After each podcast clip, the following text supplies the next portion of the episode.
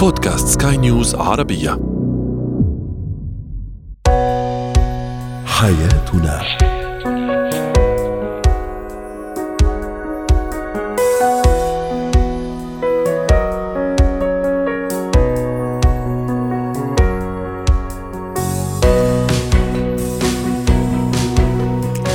مستمعينا الكرام أهلا بكم معنا إلى حياتنا فضاؤكم اليومي الذي يعنى بشؤون الأسرة وباقي الشؤون الحياتية الأخرى والذي يمكنكم الاستماع إليه عبر منصة سكاي نيوز dot com slash podcast وباقي منصات سكاي نيوز العربية الأخرى.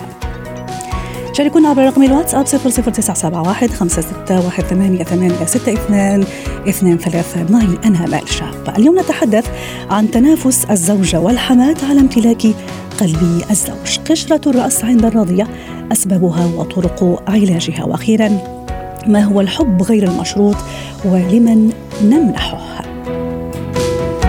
هو وهي.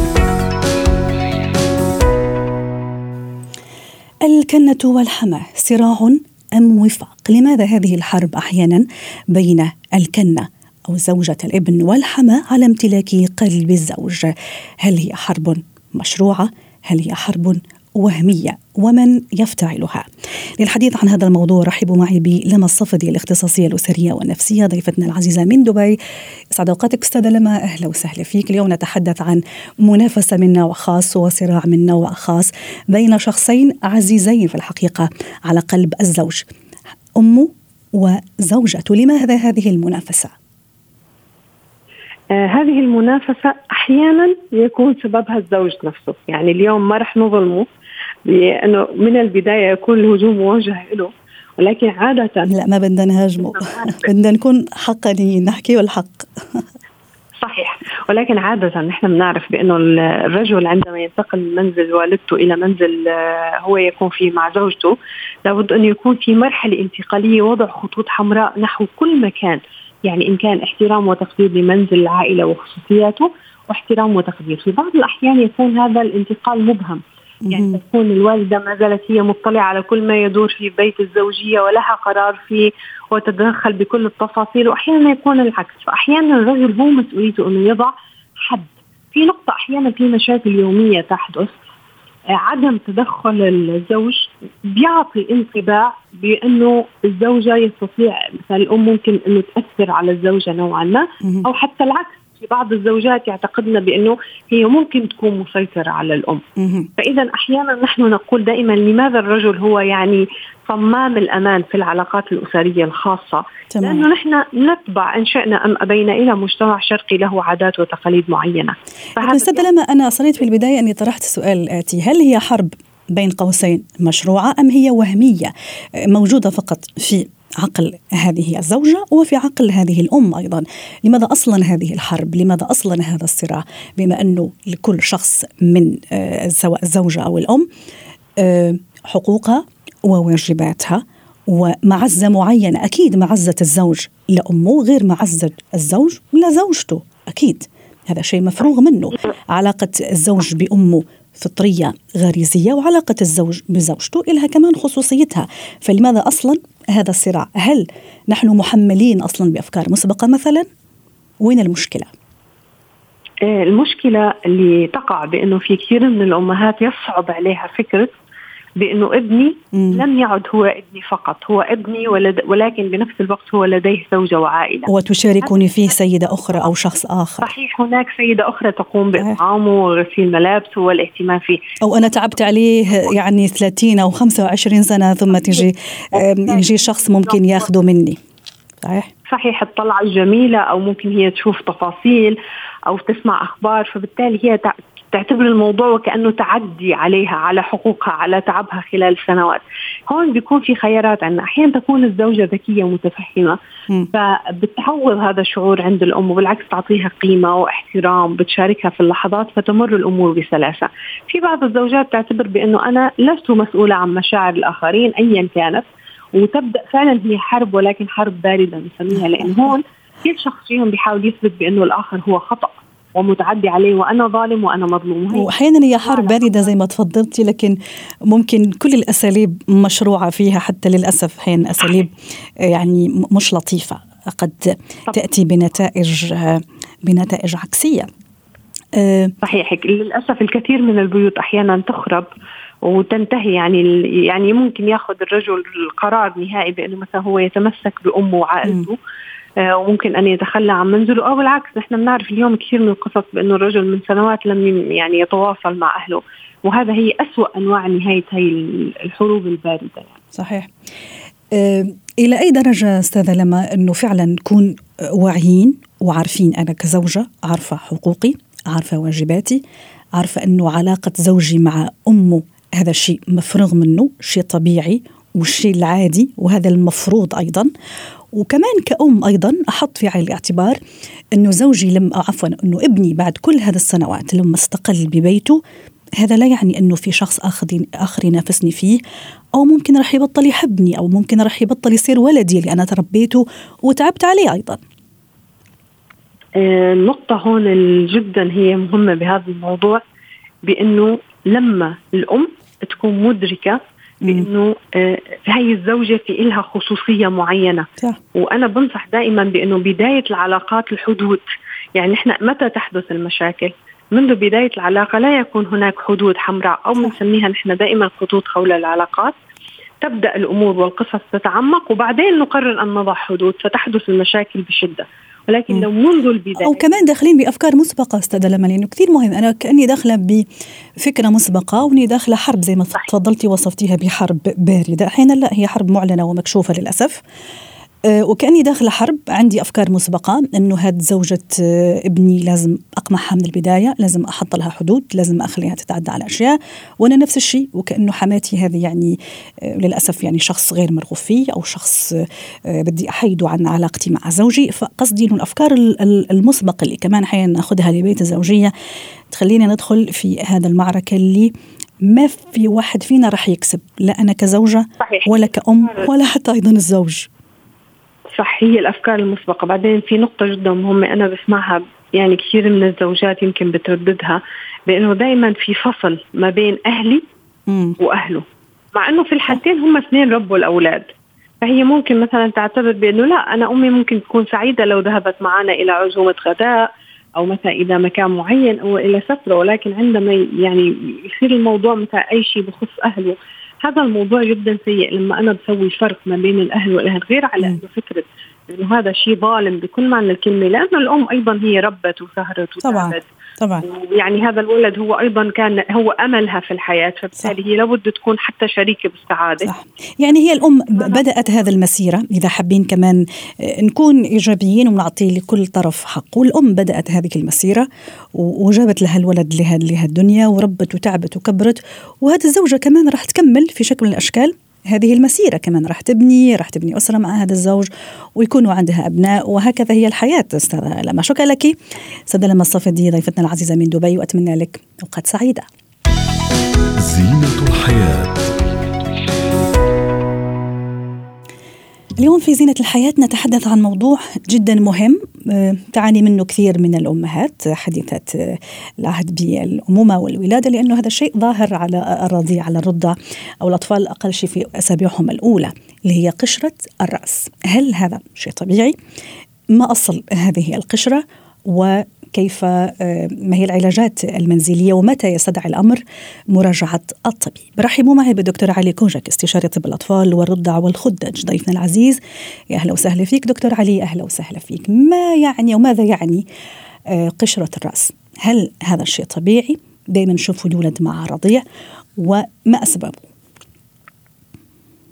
لا طبعا آه، قشرة الرأس عند الطفل الرضيع غير طبيعية. ولكن وطبعا السبب إنه ما بتصير عند كل الاطفال بتصير عند بعض الأطفال وفي لها أسباب كثير. البعض دكتور علي ولا ممكن الأغلبية منهم؟ لأنه ما بعرف أكيد هلا المعلومة الطبية عند حضرتك. يعني لكن هل مثلا هي صفة ممكن سائدة في عدد كبير من من الأطفال والرضع تحديدا؟ لا لا نسبة الحدوث خفيفة. أه. ما بتزيد عن 10 إلى 15% من الأطفال الرضع. تماما. تماما. طيب آه، دكتور علي آه، هل يعني ملازمة هذه القشرة لطفل الرضيع آه، عندها حدود؟ كمان ما لازم تتعداها؟ إذا في هذا الفترة هل في علاجات طبية؟ هل في علاجات منزلية ممكن أن أقوم فيها كأم؟ حتى قبل ما أجي لحضرتك كدكتور استشاري طب أطفال ورضع العلاجات المنزليه غير طبية ونحن طبعا ما بنوافق عليها لأنه في أسباب للقشرة نحن بنعالج حسب الأسباب أي وشو شو ممكن تكون الأسباب كمان يعني المفروض إنه نحكي على الأسباب في في يعني أخذنا الحديث هل هي صفة آه، يعني كثير سائدة عند الرضع ولا لا؟ أهم الأسباب أي. البشرة الذهنية أه. آه والتهيج بعدين تهيج البشرة الذهنية بيخلي يصير القشره أما بدون آه، ما تتهيج مو كل البشرة الدهنية الدهنية بصير عندها قشرة. ثانيا جفاف الجلد. ثالثا في فطر آه، أو خميرة اسمها المالاسيزيا هي بتتغذى على على الزيوت الموجودة في فروة الرأس وبتعمل القشرة. في عندنا كمان حساسية تجاه منتجات التجميلية أو الشعبية أو أو الغير طبية. استخدام الشامبو بشكل متكرر دكتور علي كمان في الأسابيع الأولى من ولادة الرضيع هل كمان هذه تهيج القشرة قشرة الرأس تسبب في تفاقم هالمشكله؟ اي طبعا تهيج الرأس بيكون بسبب إنه عم حط عليها أشياء غير طبية. آه مراهم تجارية أو آه مواد عشبيه أو شيء بيستعملوا الاهل.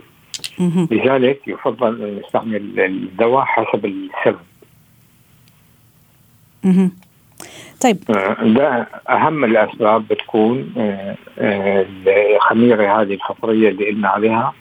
وهذه إذا عالجناها بنكون ضمننا بنحط معها دواء الحساسية مشان نضمن نغطي كل الأسباب. جميل.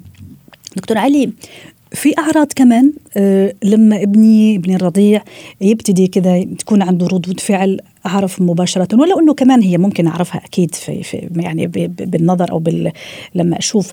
أقصد مثلا حكه في فروة الرأس بقع جافة ممكن تكون متقشرة أو خشنه الملمس. هل هذه كمان من الأعراض اللي لازم أنتبه لها؟ ممكن حتى بقع حمراء أو صفراء على رأس الطفل أحيانا فضية كمان فضية اللون. هلا آه، الطفل الرضيع ما بيقدر يسيطر على الحركات الدقيقة تبع الإيدين والحركات الكبيره إلا بعد عمر معين بعد ستة إلى ثمان شهور. بيقدر يوصل يحط إيده على إذنه إذا وجعته. بس بشكل عام قبل السنة ما بيقدروا الأطفال يعبروا أو يحكوا محل القشره فما بنعتمد على الأعراض بنعتمد على على اللي بنشوفه. بنشوف يا اما قشره خفيفة جدا أو كثيره أو شيء بنسميه الشهدة الكيريون.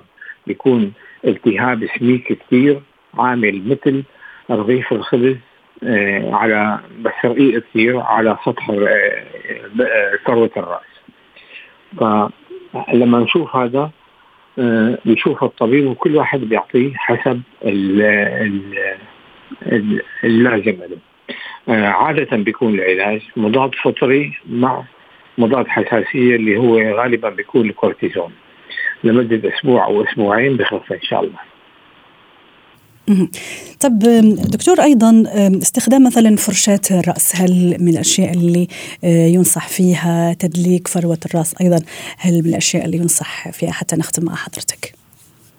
هلا حسب العمر. الأطفال الرضع بيكون عندهم آه، الشعر تبع آه، الجنين ولسه ما صاب عادة شعر فروه الرأس اللي عند عند المولودين بيسقط كله خلال الشهور وبيرجع بيتجدد شيء ثاني. فرشة الرأس ما راح تشتغل عليهم ما لها لزوم. نعم. بس آه، فرك الفروة بالأدوية ممكن يعمل علاج كويس ويشفى الطفل بدون آه، بدون ما نحتاج لفرشة أو لأدوات. نعم. شكرا لك دكتور علي كوجك استشاري طب الأطفال والرضع والخدج ضيفنا العزيز وأتمنى لك أوقات سعيدة. مهارات الحياة يعني حب غير مشروط ما مفهومه ما هي أهميته أكثر من كل هذا وذاك لمن نمنح هذا الحب غير المشروط؟ رحبوا معي بنانسي إسماعيل مدربة مهارة حياة والمتخصصة في, في العلاج الشعوري. يسعد أوقاتك أستاذة نانسي أهلا وسهلا فيك. ماذا يعني حب غير مشروط؟ أكيد ظاهريا مفهوم يعني أقل شيء لغويا مفهوم أنه أنا أعطي شيء من غير ما أنتظر مقابل ما أشترط يعني مقابل مقا يعني آه في موازاة هذا الحب اللي أنا أعطيه آه في في في في علم التنمية البشرية في الكوتشنج مثلا كيف تعرفوا الحب غير المشروط؟ هل هو صحي كمان ولا لا؟ تمام هو خلينا ناخد الحب عامة في الأول. مم. الحب يعني قائم على إعجاب شغف التزام. وبيبقى فيه حالة حب وبيبقى فيه علاقة بعد كده. فعشان الحب يوصل لعلاقة لازم يكون فيه اهتمام التزام وعطاء أو عطاء متبادل. المشاعر دي عشان تستمر محتاجة حاجة متبادلة وتلبية احتياجات بين الطرفين. بما إن الإنسان اجتماعي وبيسعى دايما للحب والعلاقات فمحتاج التوازن ده عشان حياته تبقى صحية. طيب إيه اللي يخلينا نقول دي مشاعر حب منفصلة تماما عن العلاقة أو هي مجرد حالة الإنسان بيقدر يعملها؟ لو الإنسان بدأ بنفسه إنه قادر يتقبل نفسه بعيوبها بيقدر يمنح الحب ده لطرف آخر بكل العيوب اللي فيه أو ضعفه أو نواقصه الإنسانية. دي أول حاجة بنقدر نقول إن ده حب غير مشروط يعني بيكون مركز أكتر على مميزات الطرف الثاني يكون في حالة قبول وما في وما في معلش هستخدم مصطلح زهق بمرور الأيام. أه مدام في أشياء أنا مش كثير ولا مش عجبتني أو مش راضية عليها لكن ولأنه في هذا الحب غير المشروط أي راح أستمر شهر شهرين سنة سنتين ثلاثة قصدي. هل يظل صامد هذا الحب المشروط؟ وبعدين شو شروط؟ وحتى يكون غير مشروط حتى حتى يصمد وينجح. أول شرط القبول بغض النظر عن كل العيوب اللي في الشخص ده. والحاجة الثانية إن ما يكونش فيه توقعات. يعني أنا عندي حالة عطاء داخلية. مش منتظر من الطرف الآخر أي عطاء. طيب ومعقول في في شخص في بني آدم معلش سيدة نانسي كلامك أكثر من رائع بس حابة أفهم أشياء لأنه عم تحكي أشياء كثير كثير مهمة. معقول أنا كأمال حضرتك كنانسي بنضل نعطي نعطي يعني بئر خلينا نقول من العطاء لا ينتهي وما يحتاج في المقابل انه إنه نعبيه عرفتي كيف؟ إنه نعطيه إمدادات. تماما زي أي شيء في هذه الدنيا أستاذة نانسي. المشاعر زوار المشاعر زوار وكمان القلب الإنساني والبشري بين يد الرحمن. قلب المشاعر اللي فيه. لكن لو ما فيش توقعات من الطرف الآخر ده ممكن يكون حب غير مشروط. طب هنرجع نقول هنا ده هيفتح لنا الباب للعلاقات المسيئة أو للأشخاص المسيئين ال abusive relationship فهنا بيبقى كمان مكان اللي اتكلمنا فيه قبل كده عن الحدود أو ال boundaries. لو الحب كحالة قائم على العطاء والتقبل هنا نقدر نقول حب غير مشروط لكن ده يختلف عن العلاقات يختلف عن الاحتياجات الملباة والغير ملباة. ممكن العلاقة لا تستمر أو تنهار لأن مفيش حاجة متبادلة لكن بتفضل أو بتظل نكهة الحب أو حالة الحب. من الأمثلة مثلا للحب الغير مشروط حب الآباء للأبناء. صح هذه اللي كنت راح أحكيها كمان. م. لكن ممكن العلاقة تتأثر لو الابن لا قدر الله عاق لو الأب غير ملبي احتياجات الأبناء بتتأثر العلاقة لكن يبقى الحب بتلاقي علاقات بين الأباء والأولاد قائمة ومليانة مشاعر لكن بتتأثر بالحالة دي. بتعرفي أنا عندي عندي وجهة نظر صراحة في هذا الموضوع تحديدا اللي هو علاقتي بأولادي ولا علاقة أولادي بي. إي صح. أنا أعطيهم يعني شكل يعني آه لا منتهي وما أستنى منهم شيء. هذا الظاهر. لكن أنا اعتقادي ما أعرف شاركين الرأي ضمنيا ضمنيا هو عم يعطيني شعور بالأمومة. ممكن واحدة تانية مش مرتبطة أو مرتبطة ورب ربنا سبحانه وتعالى ما رزقها بالذرية مثلا ما عندها هذا الشعور. ففعليا ولا شعوريا لا أنا عم أخذ مشاعر أمومة.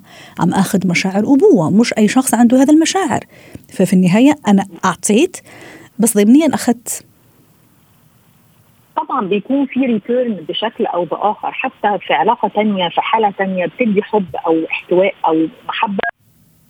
بتحفظي ده في أماكن تانية في شغلك في كاريرك في صحتك في العلاقات بشكل عام. كارل روجر واحد من مؤسسين علم النفس كان دايما عنده مقولة إن الحب هي حالة الاحترام الغير مشروط والتفهم والتقبل الغير مشروط فنقدر نحط الحب الغير مشروط هو احترام غير مشروط. لو في تفهم وتقبل هيكون في الحالتين دول. لكن deep inside الإنسان أكيد بيكون في يعني عايزة أقول reward أو مكافأة بيكون منتظرها. حتى في علاقتنا مع الله عز وجل نقدر نقول إن ده حب غير مشروط لأن ما فيش الأنا لا تمثل هذه العلاقة خالص. لكن برضه يبقى إن الإنسان طمعان في رحمة ربنا. أو منتظر ال reward الجنة أو ايا كان الشكل العلاقة اللي فيها آه، محبة من الله. فبيظل علاقة الحب أنا من جوايا غير مشروط لأني عندي عطاء وعندي أخلاقيات والمورلز بتمثلني في علاقة معينة. لكن من جوه هيجي لي reward بشكل آخر. رائع. تختلف المشاعر والحب عن العلاقات. جميل. فهنا ال... وعايزين برضه يكون في silver line أو خط رفيع قوي إن الحب غير مشروط ما نبقاش بن بنربي وحوش آه. أيوة. علاقات كزوج أو صديق أو ابن. أيوه أيوه. لأن أنا انت مهدي لي تعرفي للسؤال الآتي أستاذة نانسي ممكن حتى نختم به في الدقيقتين اللي ما تبقوا من برنامجنا. حاله الوعي لازم تكون حاضرة عندي وأنا عم أعطي بشكل غير مشروط وبشكل غير متناهي؟ وعي العقل عرفتي؟ هل لازم تكون عندي؟ لأنه أحيانا شخص سبحان الله يمكن زي ما تفضلتي لأنه ممكن يحب هذا الطرف. مين ما كان هذا الطرف؟ آه، ممكن يعطي من غير وعي من غير حدود وثم لما آه، ممكن تجي الخيبة ممكن يجي مدري إيش راح, ينصدم. أقصد إيه أنا عم أعطي بشكل غير مشروط عم أعطي بشكل لا متناهي وما عم حاسب الطرف الآخر. لكن قضية الوعي هل هذه ضرورية؟ الوعي في المشاعر وفي الحب بالذات هي اللي بتخلي فيه توازن. لأن أنا لو بعمل عطاء غير مشروط وأنا ما عنديش وعي فأنا بساعد اللي قدامي إنه يكون مسيء ليا. الحب في حالته الصحية حتى لو كله عطاء غير مشروط بيبقى بوعي من جوايا وبتقبل وبمحبة بيعمل سعادة.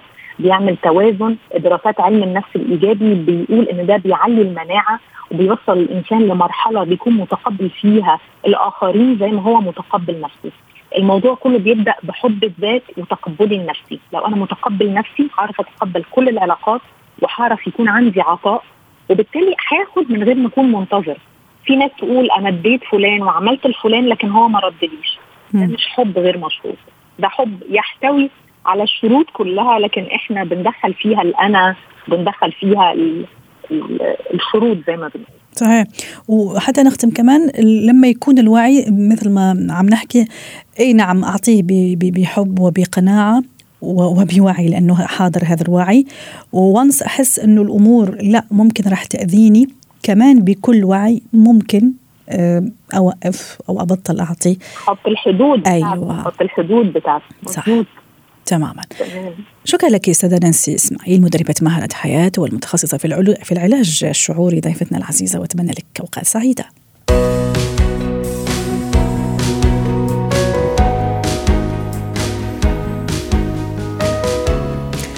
ختم حلقة اليوم من حياتنا. شكرا لكم وإلى اللقاء.